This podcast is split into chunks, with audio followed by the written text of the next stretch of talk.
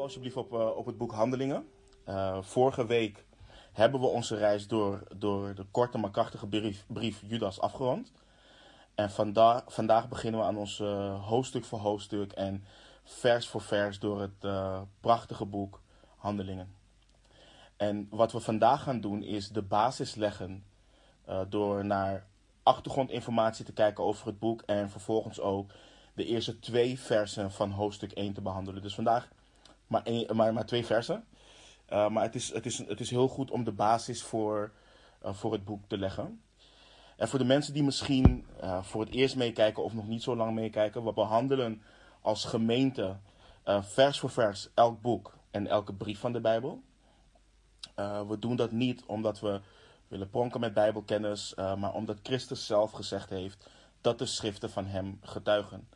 Dus we willen door het bestuderen van Gods woord ons denken door God laten vernieuwen of hernieuwen. We willen groeien in onze kennis van het woord en zijn woord. Um, uh, dus in, kennis van God en zijn woord. En willen daardoor veranderd worden naar het evenbeeld van onze Heer Jezus Christus. En als we de Bijbel mogen geloven, en dat, dat doen we ook, kan dit alleen door ons te onderwerpen aan God. Um, door ons te wenden tot Hem in zijn woord en, en in gebed. En we zijn niet bezig met onze meningen, we zijn niet bezig met aspecten van de waarheid, we zijn bezig met de waarheid, het onfeilbare woord van God, van onze Hemelse Vader, bij wie er geen verandering is of schaduw van omkeer. Dus laten we uh, de eerste twee versen van hoofdstuk 1 lezen, uh, vervolgens bidden en ontdekken wat uh, de Heilige Geest tot een ieder van ons vanochtend wilt spreken. Handelingen 1 versen 1 en 2, waar Lucas schrijft onder leiding van de Heilige Geest.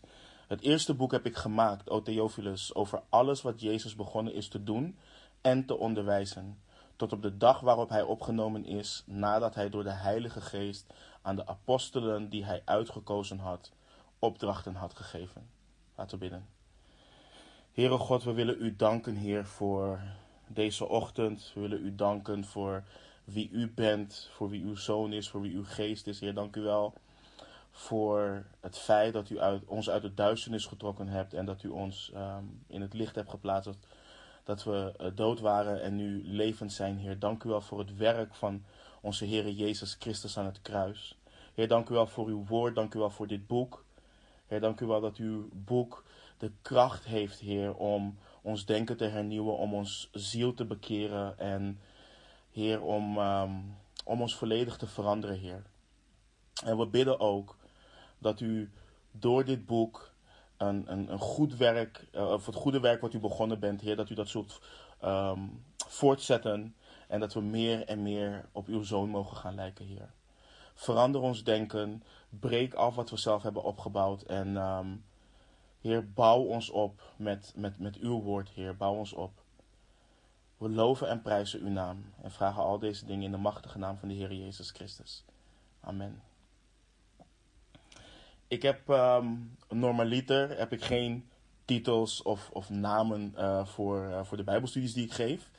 Uh, sommige mensen zijn daar heel creatief, ik, creatief in. Ik, heb, um, ik ben niet gezegend met die creativiteit. Um, maar vandaag heb ik er wel één. Of hij heel origineel is of of hij heel creatief is, dat weet ik niet. En of het ook gaat aanhouden tijdens deze serie, dat durf ik ook niet te zeggen. Maar voor vandaag is de titel en is het thema, wat we ook lezen in, in vers 1, doen wat Jezus is begonnen te doen en te onderwijzen. Dus doen wat Jezus is begonnen te doen en te onderwijzen. En voordat ik daar dieper op inga, is het essentieel om achtergrondinformatie te geven over het boek Handelingen en uiteen te zetten ook wat we de komende tijd uh, gaan tegenkomen. En net zoals ieder boek is Handelingen een essentieel boek in de Bijbel. Uh, maar het is goed om te beseffen dat zonder dit boek we nooit zouden snappen hoe de boodschap van een Joodse man uit Jeruzalem tot aan het uiterste van de aarde is gekomen. We zouden zonder handelingen nooit volledig begrijpen hoe enkele bange, ongeschoolde en incompetente Joodse mannen de wereld volledig op zijn kop hebben gezet met een eenvoudige, maar zeer krachtige boodschap. Dus het boek Handelingen leert ons onder andere hoe de kerk van Jezus Christus in Jeruzalem begon en zich tot aan, het uit, aan, aan de van de aarde verspreidde. En het vormt een essentiële schakel tussen de evangeliën en de Nieuw-testamentische brieven. En wat we, wat we vaak zien ook als je, als je in je Bijbel leest of als je in je Bijbel kijkt, zie je vaak dat het boek de handelingen van de apostelen wordt genoemd. En, en de titel handelingen klopt, want we komen heel veel dingen, er gebeurt heel veel in het boek, heel veel actie. Ehm, maar van de apostelen vind ik soms ongelukkig toegevoegd. Want als eerste lezen we niet over de handelingen van alle apostelen. Maar wordt er in dit boek ingezoomd op twee apostelen. In handelingen 1 tot en met 12 lezen we voornamelijk over de apostel Petrus. En vanaf handelingen 13 tot aan het einde van het boek lezen we over de apostel uh, Paulus. Maar als je goed kijkt, dan zie je dat het boek vooral ingaat op de handelingen van Jezus Christus door het werk van de Heilige Geest in en door het leven van de apostelen.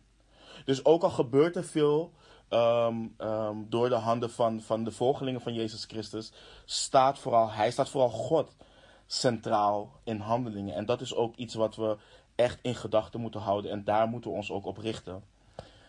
Um, wat betreft de schrijver, ik noemde het net ook al, ik, ik, noemde de naam Lucas net op. Er is, er is weinig discussie over het feit dat Lucas de schrijver is van het boek Handelingen. En we hebben het hier over dezelfde persoon die het evangelie naar de beschrijving van Lucas schreef. Uh, wat jammer is, is, is, dat er weinig bekend is over het leven van Lucas.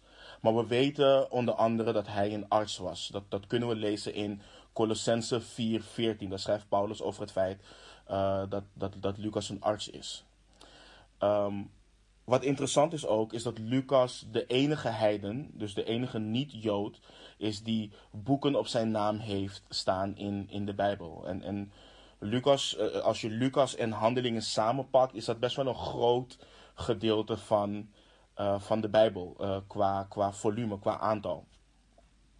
Um, er zijn enkele geschriften van ongeveer 160 tot 180 na Christus die ons leren dat Lucas een Syriër was uit Antiochië. Uh, en deze geschriften leren ons, en, en, en handelingen leert ons ook, dat hij een metgezel was van Paulus. Uh, maar die geschriften leren ons dat hij een metgezel was van Paulus tot aan de dood van Paulus. En dat hij als een vrijgezelle man op 84-jarige leeftijd overleed. Um, en, en, en wat interessant is, het lijkt erop dat Lucas vanaf hoofdstuk 16, dat, zie, dat, dat zien we ook, dat, dat hij vanaf dat moment met Paulus op zijn zendingsreizen meegaat. Daar lezen we opeens dat hij van zij schrijven opeens dat dat verandert naar wij. Wat, wat ook laat zien dat Lucas van veel gebeurtenissen echt een, een ooggetuige is geweest.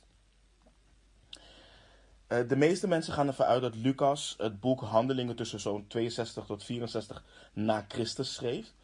Uh, dit omdat er niet gerefereerd wordt in het boek uh, naar de intense vervolging die Nero in 64 na Christus lanceerde richting christenen. Of van de marteldood van Paulus rond een 68 na Christus. En als, als dit boek later geschreven was, had iemand als Lucas, die zo gedetailleerd te werk is gegaan, deze gebeurtenissen wel echt genoemd. En, en wat ook interessant is, is dat de datering ons laat zien dat Lucas ongeveer ons door 30 jaar kerkgeschiedenis uh. Dus we, we leren heel veel over de eerste 30 jaar van, van de kerk van onze Heer Jezus Christus. En in, in, in vers 1 kunnen we zien dat Lucas het boek schrijft, of hij, hij, hij richt het aan een man genaamd Theophilus. Over Theophilus is ook niet heel veel bekend, of is heel weinig bekend. Wat we wel weten is dat zijn naam bestaat uit twee Griekse woorden.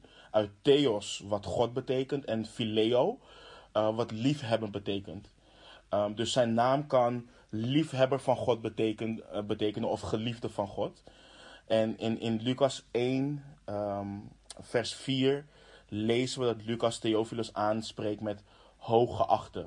Uh, wat erop kan wijzen dat hij een, een, een, een Romeinse ambtenaar was.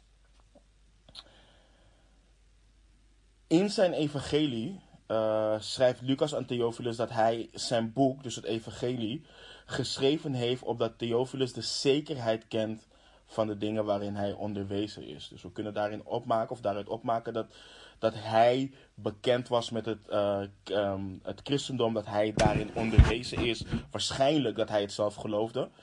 Um, maar dat is dus de reden, dat, dat is wat we zien. Maar als we dus naar de eerste twee versen kijken van het boek Handelingen, dan lijkt hij dat door te zetten. Um, maar hij is dan niet gericht op het fysieke leven en de fysieke bediening van de Heer hier op aarde, maar eerder zijn werk wat hij voor, voortzet door zijn discipelen hier op aarde. En daarin legt Lucas uit hoe de kerk zich van Jeruzalem uh, naar Rome verspreidde.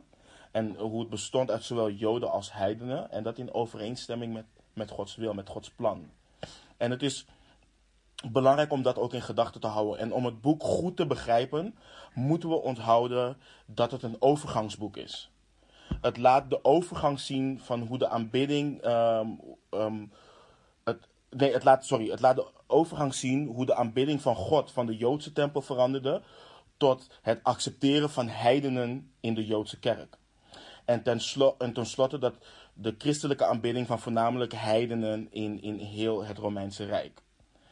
En handelingen laat zien hoe God van het werken met de Joden als natie in de eerste plaats naar het werken met de kerk ging. Bestaande uit Joden en heidenen die gelijk zijn in de ogen van God. Maar verwar dit niet met de vervangingsleer waarin men leert dat God klaar is met de Joden en de kerk de plaats van het Joodse volk heeft ingenomen. Uh, dat is niet wat handelingen ons leert. Dat is ook niet wat de Bijbel ons leert. Uh, als we alleen al in Romeinen zien of in Romeinen kijken, dan zien we dat God niet klaar is met de Joden. Als we het boek Openbaring lezen, zien we dat God niet klaar is met de Joden. En ons hart richt, hoort ook niet op die manier richting de Joden te zijn. We horen een hart te hebben voor het, volk Israël, want het is en blijft het volk van, uh, van God. En we horen hen daarin ook te dragen in gebed. Um, Um, want waar God van houdt, daar horen wij ook van te houden. Um, in handelingen lezen we over vele wonderbaarlijke tekenen die werden gegeven om aan Israël te, wijzen, eh, te bewijzen dat ze het fout hadden wat betreft Jezus Christus en het feit dat ze Hem als Messias en Heer hebben verworpen. En de belangrijkste boodschap die de apostelen en anderen in handelingen verkondigen, draait vooral om de opstanding van onze Heer Jezus Christus uit de dood. En dat is ook het belangrijkste teken um, wat de Heer Jezus als de Christus bevestigde. En het gaat ook vooral in op het aanbod van vergeving van zonden in zijn naam. En veel mensen, velen richten zich vooral op de wonderen en op de tekenen die in dit boek uh, plaatsvinden. En beweren ook dat we als kerk terug moeten gaan naar deze tijd en exact dezelfde dingen moeten doen als de apostelen, in dezelfde mate de wonderen en tekenen moeten doen. En door dit te zeggen missen we de essentie van dit boek als overgangsboek. Kijk, vooropgesteld geloof ik dat God nog steeds wonderen kan doen en dat Hij ze nog steeds doet. We dienen immers een bovennatuurlijk God. En om Hem en Zijn krachten te beperken tot, tot wat we lezen in de schrift, is ook de plank volledig mislaan. Maar we moeten met een oprecht hart kijken naar wat God doet in dit boek en hoe hij de tekenen gebruikt in dit boek om de boodschap van de apostelen te bevestigen in deze overgangsperiode. En, en, en voordat we ingaan op de eerste twee versen, kijken we ook kort naar de thema's of, en ook de hoofdrollen um, die we gaan tegenkomen in dit prachtige boek. Een groot thema in dit boek is, is God de Vader en zijn soevereiniteit. We lezen over hem in dit boek dat hij de schepper en de behouder is van alle dingen, inclusief de hemel en de aarde. We lezen over hem dat hij soeverein is en dat hij doet zoals hij dat wil aangaande mensen. We lezen dat hij zal oordelen over alle mensen, maar dat hij een relatie met mensen wil. Dat hij wil dat mensen zalig worden door de naam van Christus. En dat zien we ook gebeuren in dit boek. En het is prachtig om te zien, want we zien duidelijk dat God aan het werk is en dat niets en niemand hem kan stoppen in het doen van zijn wil. En daar, we doen daar ook goed aan om daar acht op te slaan, ook in de tijd waar we vandaag de dag in leven. Bijvoorbeeld ook met, met, met corona. Niets kan God stoppen in het doen van zijn wil. Ander ding wat centraal staat, is, uh, of ander thema, ander persoon, is onze Heer en Meester Jezus Christus. We gaan leren dat dezelfde Jezus, wiens leven, bediening, dood en opstanding zijn beschreven in het Evangelie van Lucas, nu leeft. Dat hij aanwezig en actief bezig is in de wereld door zijn geest en kerk. En dit boek leert ons dat Christus Heer over alles en allen is. Uh, en allen is. En dat hij de verlosser is van degenen die zich in bekering en geloof tot hem wenden. En een, en, en een ander belangrijk persoon Um, en thema is de persoon en het werk van de Heilige Geest. De Heilige Geest, die ook wel de Geest van Christus wordt genoemd. Hij wordt gegeven aan alle gelovigen en bekrachtigt de gelovigen om een getuige te zijn van Christus. En we gaan zien dat hij zaken openbaart, dat hij mensen leidt en dat hij wijsheid geeft en nog veel meer. Maar naast deze dingen gaan we ook zien wat het belang van gebed is in en voor de kerk. En niet alleen als individuen, maar als een gemeente in zijn geheel. We gaan zien wat voor nadruk er ligt op de prediking van het woord. We komen geweldige toespraken, geweldige preken komen we tegen in dit boek. En we zien het belang van de prediking van het woord. Ook wanneer Paulus weggaat uit Efeze, waarin hij, waarin hij de ouderlingen daarin op het hart drukt om, om, om, om de kudde te wijden, om ze te voeden met het woord. Wat we ook gaan zien is de realiteit van verdrukking. De realiteit van vervolging en tegenwerking in het verkondigen van het evangelie. En, en, en dat is ook belangrijk voor ons vandaag de dag. En we gaan ook zien wat de structuur is van de kerk um, in dit boek. En hoe we dit boek eenvoudig kunnen verdelen is als volgt. Uh, je verdeelt het door te kijken naar het sleutelvers van dit boek. In Handelingen 1, vers 8 lezen we: Maar u zult de kracht van de Heilige Geest ontvangen die over u komen zal, en u zult mijn getuige zijn, zowel in Jeruzalem als in heel Judea en Samaria en tot aan het uiterste van de aarde. Handelingen 1, vers 8. Voor de mensen die meekijken via Facebook, de versen worden um, uh, toegevoegd als, uh, als reactie onder de video en op YouTube ook. Maar als we dus naar dit, naar, dit vers kijken, dan kunnen we handelingen als volgt voor verdelen. Als je, uh, het eerste gedeelte is Handelingen 1, vers 1 tot en met Handelingen 8, vers 4. Waarin we zien van het werk van het getuigen in Jeruzalem. En dat is voornamelijk tot de Joden.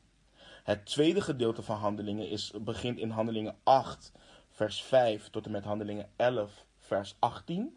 Dat is getuigen in Judea en Samaria, plus de bekering van de eerste heiden. En het laatste gedeelte van het boek begint dan in Handelingen 11, vers 19 tot en met uh, hoofdstuk 28, het hele gedeelte van hoofdstuk 28. En dat is getuigen tot aan het uiterste van de aarde, waar we Paulus eerst aan de Jood zien uh, um, prediken en dan aan de heiden, maar het is voornamelijk gericht aan de heiden. Oké, en nu met deze korte introductie. Um, laten we kijken naar de eerste twee versen die we voor vandaag hebben. Um, ik wil, ik, ik, ik wil toch even het volgende zeggen. En, en ik zeg dit uh, zodat wij die allemaal die onderdeel zijn van Calvary Chapel Flevoland. Uh, maar als je geen onderdeel van de gemeente bent, ook voor jezelf. Biddend omgaan met wat de Heer ons door dit boek heen wilt vertellen. Um, um, kijk, wij bidden en vragen de Heer ons duidelijk te maken welke boeken we moeten behandelen, wanneer we dat moeten doen. Omdat we geloven dat de kerk, dat deze gemeente, dat elke kerk überhaupt uh, de kerk van Christus is. En als het de kerk van Christus is, dan wil hij tot zijn gemeente spreken, omdat hij weet wat zijn kerk nodig heeft. En tot nu toe heeft hij elk boek gegeven, elke brief gegeven. En ik kwam elke keer tot de realisatie, zij het aan het begin van het boek of midden in het boek, dat, wat de Heer persoonlijk mij wilde laten zien. Maar ook waarin hij de gemeente wilde vormen op dat moment door die serie heen. Dus doe daar alsjeblieft wat mee. Vraag God hoe en waarin hij je door handelingen heen wilt vormen. Waarin wilt de geest jou opvoeden, onderwijzen, verbeteren en, en toerusten. Ga daar echt biddend mee aan de slag. Oké, dus nu echt de eerste twee versen. Um, nog een keer, het eerste boek heb ik gemaakt, O Theophilus, over alles wat Jezus begonnen is te doen en te onderwijzen, tot op de dag waarop hij opgenomen is, nadat hij door de Heilige Geest aan de apostelen, die hij uitgekozen had, opdrachten had gegeven. Dus Luca, Lucas begint door, uh, begint door dit boek te koppelen aan zijn eerste boek. Het Evangelie volgens Luca, Lucas, waarin de daden en het onder, uh, onderwijs van de Heer Jezus te lezen zijn. En deze link is belangrijk omdat de ontwikkeling van de kerk voortbouwt op het leven en het werk van de Heer Jezus Christus. En deze twee versen communiceren en impliceren een belangrijk thema. De kerk hoort in en door de kracht van de Heilige Geest in gehoorzaamheid aan Christus voor te zetten wat de Heer Jezus is begonnen te doen en begonnen te onderwijzen. Dus ik herhaal het nog een keer. De kerk hoort in en door de kracht van de Heilige Geest in gehoorzaamheid aan Christus voor te zetten wat de Heer Jezus Christus is begonnen te doen en begonnen te onderwijzen. De woorden van Lucas impliceren heel sterk dat het werk wat Christus is begonnen te doen en te onderwijzen niet af is. We lezen een paar versen verderop over zijn hemelvaart, maar zijn werk op aarde is niet af. En dat is ook wat begonnen, te doen, begonnen is te doen en te onderwijzen. Ons leren in het Grieks. Het is in de continue vorm geschreven. En om te begrijpen wat we als zijn kerk moeten doen, moeten we eerst begrijpen wat Jezus Christus begon te doen en te onderwijzen. Nou, voor de mensen die vanaf het begin, of voor de mensen die het ook hebben gezien op de website, zijn we als gemeente begonnen in, in het Evangelie volgens Johannes. Daarin hebben we al heel veel gezien wat de Heer Jezus is begonnen te doen en wat hij heeft onderwezen. Maar als je de vier Evangeliën pakt, dan zie je dat. Maar een van de mooiste uh, dingen waarover we lezen van de Heer Jezus Christus, vind ik het getuigenis van Johannes de Doper, wat we kunnen lezen in Johannes 1, vers 29. Waarin we lezen: De volgende dag zag Johannes Jezus naar zich toe, naar zich toe komen en, zei, en hij zei: Zie het Lam van God dat de zonde van de wereld wegneemt. Johannes 1, vers 29. En we lezen ook in Lucas, eh, vers 9, of hoofdstuk 19, vers 10, ook nog één ding. Want de zoon des mensen is gekomen om te zoeken en zalig te maken wat verloren is. Dus dit leert ons dat Christus is gekomen als het lam van God om de zonde van allen die verloren zijn weg te nemen. De zonde van de wereld. En, en daarvoor moest hij iets doen. En het prachtige daarover lezen we in Johannes 19, vers 30. Toen Jezus dan de zure wijn genomen had, zei hij: Het is volbracht. En hij boog het hoofd en gaf de geest. Dus het verlossingswerk van Christus, wat hij is komen doen om hen, om hen zalig te maken, dat heeft hij volbracht aan het kruis. Hij heeft zichzelf als offer gegeven, opdat een ieder die in hem gelooft, vergeving en eeuwig leven kan ontvangen. En, en belangrijk is het volgende voor ons als, als, um, als volgelingen van Christus. Onze Heer Jezus Christus was en is er altijd gericht op geweest om zondige mensen met God te verzoenen. Hij deed dit door zijn leven, door zijn daden en door zijn onderwijs. En we lezen in vers 2 van Handelingen 1 dat de Heere Jezus voor zijn hemelvaart zijn apostelen opdrachten had gegeven. En in de Evangelie lezen we natuurlijk meerdere geboden en meerdere opdrachten van de Heer Jezus aan zijn discipelen. Maar in de context van handelingen en hoe Lucas zijn uh, evangelie afsluit, geloof ik dat hier wordt gerefereerd naar de grote opdracht. Lucas schrijft in Lucas 24, vers 47 het volgende. En in zijn naam, dus in de naam van de Heer Jezus Christus, moet onder alle volken bekering en vergeving van zonde gepredikt worden, te beginnen bij Jeruzalem. Dus nog een keer, Lucas 24, vers 47. En in zijn naam moet onder alle volken bekering en vergeving van zonde gepredikt worden, te beginnen bij Jeruzalem. Maar we lezen ook Matthäus 28, vers 19, waar de Heer Jezus zegt, ga dan heen, onderwijs al de volken, hen dopend in de naam van de Vader en van de Zoon en van de Heilige Geest, hun lerend alles wat ik u geboden heb in acht te nemen. Dus ik, ik herhaal hem, maar deze versen zijn belangrijk. Matthäus 28, 19. Ga dan heen, onderwijs al de volken, hen dopend in de naam van de Vader en van de Zoon en van de Heilige Geest, hun lerend alles wat ik u geboden heb in acht te nemen. En wanneer we het boek Handelingen le uh, zorgvuldig lezen, komen we tot een belangrijke conclusie. De apostelen, de eerste kerk, ze deden niet hun eigen ding. Wat we lezen in Handelingen is hoe de interpretatie van de grote opdracht door hem bekrachtigd met Gods geest tot uiting komt. Dat is wat we lezen in Handelingen. En daar kunnen we vandaag de dag veel van leren. Want vandaag de dag heb je veel kerken en veel mensen die bedenken um, hoe we met allerlei strategieën en het, door het evangelie te verdunnen mensen de kerk in kunnen krijgen. Hoe we de kerk laagdrempelig kunnen maken. Terwijl we in handelingen hier niets van terugzien. Sterker nog, we zien dat niet eens terug in het leven van de Heer Jezus Christus zelf. Dus deze apostelen, ze waren niet bezig met whiteboards, ze waren niet bezig met strategische sessies, hun eigen missies of hun eigen visies of wat dan ook. Wanneer we handelingen lezen, dan lezen we dat deze mensen instrumenten waren in de handen van onze soevereine God, die doet wat hij wilt, zoals hij het wilt. En we lezen dat deze mensen onderdeel waren van zijn wil en van zijn plan.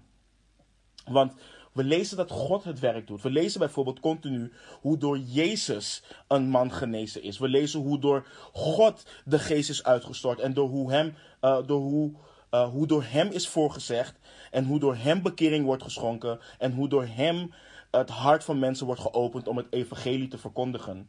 En hoe door God zielen toegevoegd worden aan de gemeente.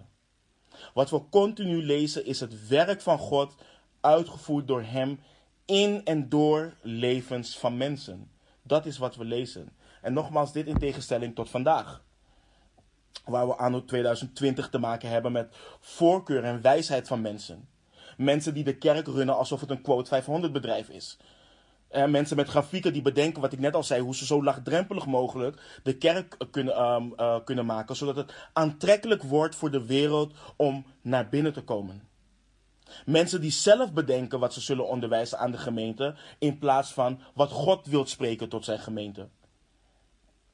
Maar wat we lezen is hoe, hoe in handelingen de mensen door de kracht van de Heilige Geest de grote opdracht uitvoerden, simpelweg in gehoorzaamheid aan Jezus. En ik herhaal nog een keer dat God mensen gebruikt. Als je kijkt naar het verlossingswerk van God, heeft hij altijd gewerkt door middel van incarnatie, door middel van mensen. Het grootste voorbeeld is God zelf in het vlees in de persoon Jezus Christus. Maar kijk ook naar de geschiedenis van Israël, hoe hij de profeten heeft gebruikt. En, en, en, en je ziet dat God altijd mensen heeft gebruikt. Maar waar moeten we ook naar opletten? Kijk weer naar onze tekst van vandaag de dag en let op wat Lucas schrijft. Apostelen die hij uitgekozen had. Dit leert ons dat dit geen zelfbenoemde leiders waren. Dit waren mannen gekozen door Jezus Christus zelf. Dit waren geen mannen die hun eigen boodschap verkondigden, een eigen boodschap hadden verzonnen. Dit waren mannen, zoals we in Lucas 24, vers 48 lezen, die getuigen waren van Christus. Ze moesten vertellen wat ze hebben gezien en wat ze hebben gehoord. Dat is wat ze moesten doen. En hetzelfde geldt ook voor ons als kerk vandaag de dag. Kijk, ik geloof dat een van de redenen dat we weinig van Gods werk hier in het Westen zien, is omdat er te veel zelfbenoemde leiders opstaan die niet weten wat Christus is begonnen te doen en die niet weten wat Christus heeft onderwezen. En hoe kunnen dit soort mensen dan Gods kudde leiden en toerusten in het vervullen van de grote opdracht? Hoe kunnen deze mensen uh, Gods mensen helpen in het groeien in kennis van Gods woord? In het groeien van heiligheid en noem maar op. De kerk heeft mannen nodig die geroepen zijn en die gehoorzaam zijn aan de Heer Jezus Christus. Mannen die onderwezen zijn in het woord en mannen die heiligen kunnen toerusten in en door de kracht van de Heilige Geest. Want we lezen dat Christus de apostelen opdrachten gaf door de Heilige Geest. En ze gehoorzaamden. En we kunnen een les daaruit trekken, want alles wat onze Heer Jezus deed, deed hij in gehoorzaamheid aan de Vader en in de kracht van de Heilige Geest. En ook zo hoort ons leven hierdoor gekenmerkt te worden. Dat we in gehoorzaamheid leven. En een leven in gehoorzaamheid zal resulteren in het feit dat we de grote opdracht zullen uitvoeren. Want dat is wat we terugzien in het leven van de apostelen, van de, uh, wat we terugzien in het leven van de eerste kerk. Maar ook door uh, trouwe mensen door de geschiedenis van de kerk heen. En ik wil ergens bij stilstaan. Kijk, ik citeer, zeker om de week, citeer ik 2 Timotheus 3, 16 en 17. En het zijn belangrijke versen. Maar ik wil wijzen op een ander vers, wat veel over het hoofd wordt gezien, of waar, waar we heel snel overheen lezen. En waarom ik geloof dat kerken moeten stoppen met hun kerkenraad en met hun meetings en, en zich gewoon moeten bevinden in Gods woord en in gebed. In 1 Timotheus 3, versen 14 en 15 schrijft Paulus aan Timotheus het volgende. Deze dingen schrijf ik u, in de hoop spoedig naar u toe te, uh, naar u toe te komen. Maar voor het geval dat ik langer wegblijf, weet u nu hoe men zich moet gedragen in het huis van God. Dat is de gemeente van de levende God, zaal en fundament van de waarheid. Ik, ik, herhaal hem. 1 Timotheus 3, vers 14 en 15. Deze dingen schrijf ik u, in de hoop spoedig naar u toe te komen. Maar voor het geval dat ik langer wegblijf, weet u nu hoe men zich moet gedragen in het huis van God. Dat is de, dat is de gemeente van de levende God, zaal en fundament van de waarheid. Dus een, een belangrijke vraag nu. Hoe weten we hoe en wat we moeten doen als kerk? Hoe weten we waartoe God ons roept? Hoe weten we hoe we iemand moeten counselen? Hoe weten we hoe, we iemand terecht moeten wijzen? Hoe we moeten evangeliseren? Hoe we moeten aanbidden? Hoe we iemand de bediening inplaatsen? Hoe we de grote opdracht voeren, uitvoeren? Door wat er geschreven is. Door wat er geschreven is door de Heilige Geest. Paulus schrijft: Deze dingen schrijf ik u. Dit hoort ons broeders en zusters te doen zwemmen in de schrift elk moment wat we hebben. Om te leren wat Christus is begonnen te doen en begonnen te onderwijzen. Om het woord van Christus in rijke mate in ons te laten wonen. Om de gezindheid van Christus te hebben. Om ons denken te laten hernieuwen en niet gelijkvormig te worden aan deze wereld. Om een onwankelbaar fundament te hebben in het feit dat Christus is opgestaan uit de doden en dat we vervuld met de Heilige Geest Jezus Christus en die gekruisigd prediken. Let, en let op wat Paulus schrijft in de versen aan Timotheus. De gemeente, de kerk. Wat, wat, wat is dat? Het is de gemeente van de levende God. Het lichaam is van Christus. We zijn niets meer en niets minder dan, dan instrumenten in zijn handen die gebruikt worden in zijn genade en zijn barmhartigheid voor zijn glorie. Kan een lichaam ademen zonder het hoofd? Kan een lichaam functioneren zonder het hoofd? Kijk naar hoe ons eigen lichaam werkt. Het is ons hoofd, ons brein, wat de signalen uitzendt in wat ons lichaam hoort te doen. En ook zo horen wij als lichaam te luisteren naar wat ons hoofd, Heere Jezus Christus, ons vertelt om te doen. Dus weet je, laten we ophouden met onze menselijke wijsheid. Met eigen ideeën en hier en daar dingen verzamelen als waarheid. En waar wij ons comfortabel bij voelen. Over wat de kerk hoort te doen. En ons onderwerpen uit vrees voor God.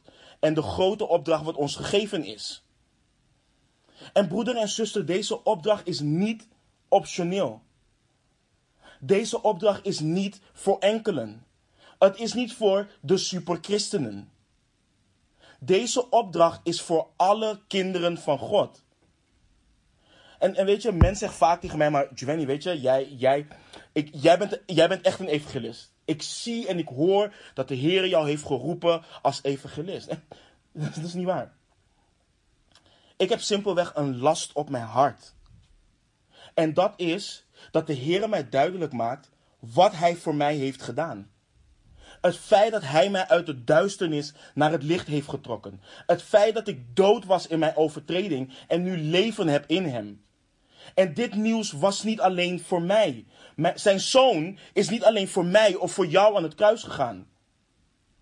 Dus de last op mijn hart drukt mij op mijn hart om te gaan en dit goede nieuws te delen. Gelegen of ongelegen. Het legt op mijn hart om dit te verkondigen aan mensen die dood zijn. Mensen waarvan God wil dat ze zich bekeren en leven. En, en, en, en er is iets de kerk binnengeslopen. Weet je, er is een gezegde wat meer schade heeft aangericht aan de kerk dan dat het de kerk heeft opgebouwd. Iemand zei ooit: verkondig altijd het evangelie en wanneer nodig gebruik woorden. En dit is hoe men tegenwoordig leeft.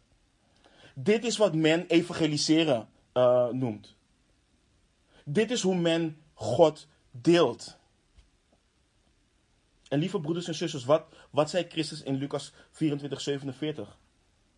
En in zijn naam moet onder alle volken bekering en vergeving van zonde gepredikt worden. Te beginnen bij Jeruzalem.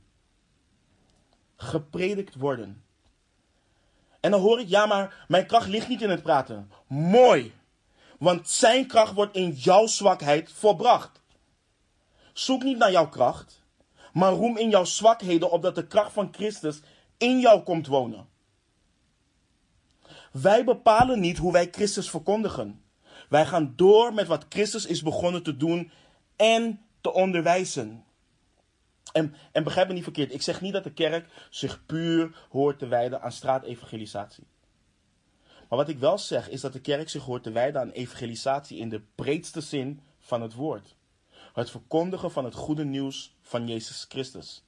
Zowel collectief als lokale gemeente, als de individuen die de lokale gemeente opmaken. Broeders en zusters, we moeten begrijpen dat de gemeente is gesticht door God.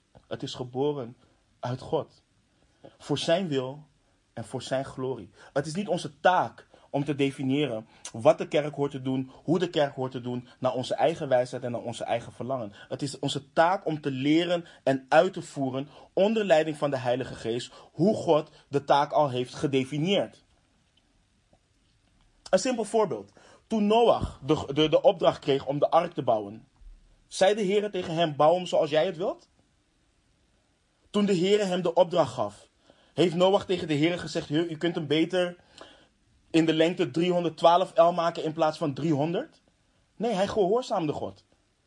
Toen Mozes de tabernakel moest bouwen, heeft God het ontwerp en de invulling aan hem overgelaten? Nee, in Exodus 25:9 lezen we volgens alles wat ik u zal tonen, een ontwerp van de, van de tabernakel en een ontwerp van al zijn voorwerpen. En, en, en let op wat er staat. Zo moet u het maken. Toen Aaron in Leviticus 9 diende als priester, zei Mozes tegen hem: Bereid dan de offergave van het volk en doe verzoening voor hen zoals jij het wilt? Nee, Mozes zei: Zoals de Heere geboden heeft. We lezen dat hij het brandoffer bereidde volgens de bepaling. Maar wat gebeurde er met de zonen van Aaron in Leviticus 10? De zonen die vreemd vuur voor het aangezicht van de Heer brachten. Wat hij hun niet geboden had. Ze werden verteerd. Hij doodde hen. En lieve mensen, als wij doorgaan met het invullen en gebruiken van onze eigen wijsheid in hoe we Christus prediken, wanneer we Christus prediken en hoe we Christus prediken, dan geloof ik dat we zullen horen wat de vrienden van Job hoorden van God in Job 42, vers 7. Mijn toorn is ontbrand tegen u en tegen uw twee vrienden, want u hebt niet juist over mij gesproken zoals mijn dienaar Job. We lijken God te willen helpen met nieuwe ideeën over hoe de kerk hoort te opereren, hoe de kerk hoort te zijn. Maar lezen we onze Bijbels niet?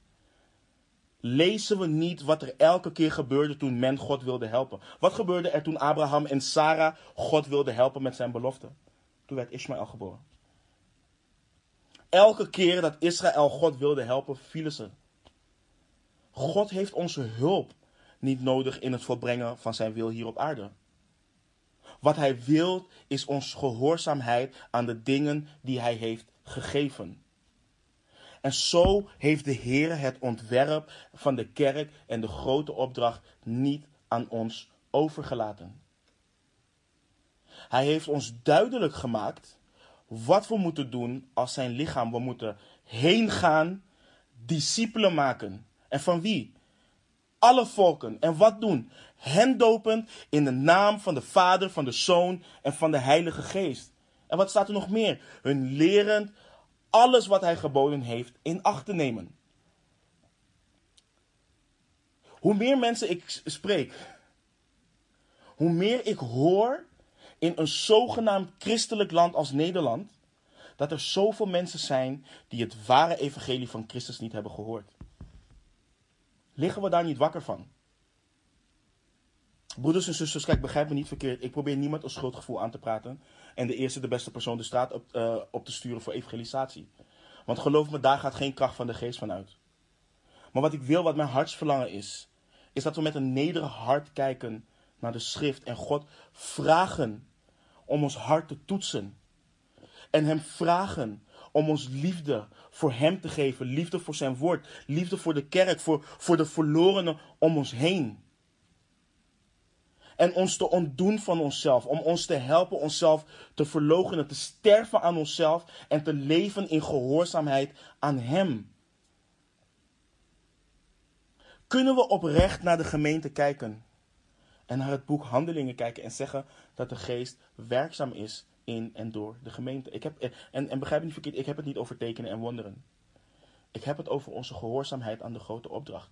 Ik heb het over leven voor het evangelie van Christus. Sterven voor het evangelie van Christus. We zijn zo druk met van alles. Welke baan moet ik? Moet ik, moet, moet ik die promotie nemen, ja of nee? Welke opleiding moet ik gaan volgen? Waar moet ik wonen? Al die dingen. En we, en, we verwarren vaardigheid met, met, met, met, met roeping en, en, en gaven. En, en, en, en denken omdat we goed zijn met kinderen, omdat we goed zijn in, in, in het schoonmaken of goed zijn in het muziek maken, dat de Heer ons daartoe heeft geroepen. En we verschuilen ons achter het feit dat we zo druk bezig zijn met de dingen binnen de vier muren van de kerk, dat we vergeten dat er verloren zielen zijn buiten de vier muren van de kerk.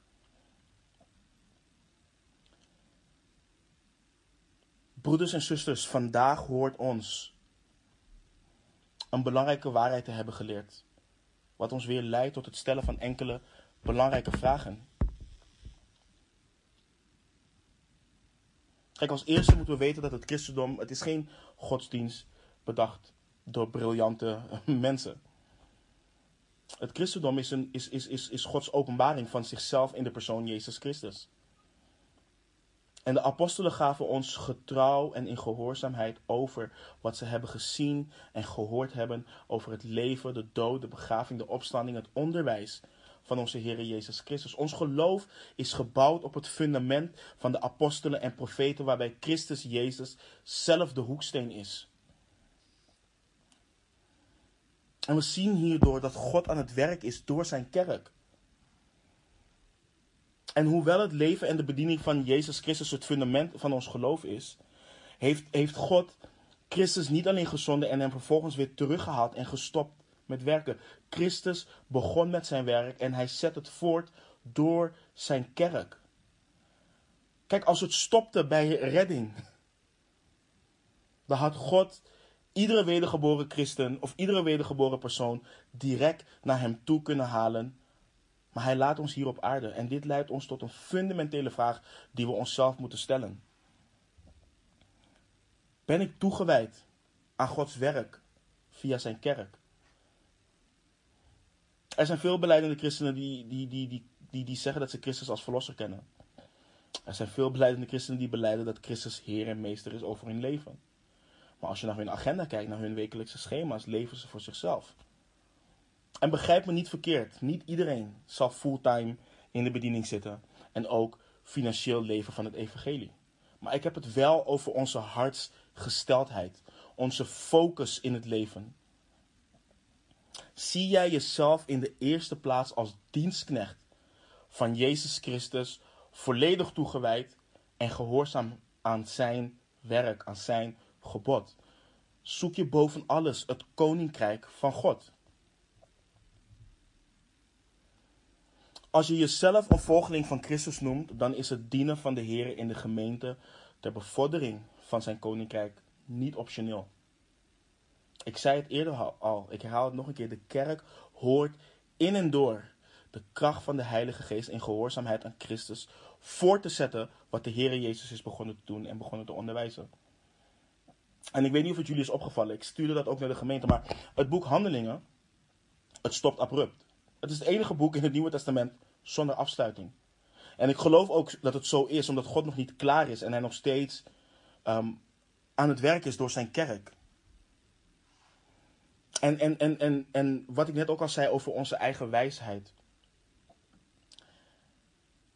Als we het boek, en, en daarom raad ik jullie aan en daarom spoor ik jullie aan. om, om het boek zelf ook te lezen. En niet te wachten tot elke zondag totdat we het, het, het stuk gaan behandelen, maar dat je zelf op de hoogte bent en God zelf tot jou spreekt wat Hij hier door dit boek heen doet. Laten we bidden. Heere God, Heer, ik, ik vraag u om bekering voor uw kerk, Heer. Schenk ons bekering in ons hart. Daar waar wij aan de slag zijn gegaan met menselijke wijsheid. Daar waar wij hebben afgedaan aan het werk van Christus aan het kruis. Daar waar wij zelf bepalen hoe de kerk hoort te opereren. En we onze eigen wensen doorvoeren, Heer. Daar waar we zijn afgeweken van uw woord. Daar waar we niet in afhankelijkheid leven van uw geest.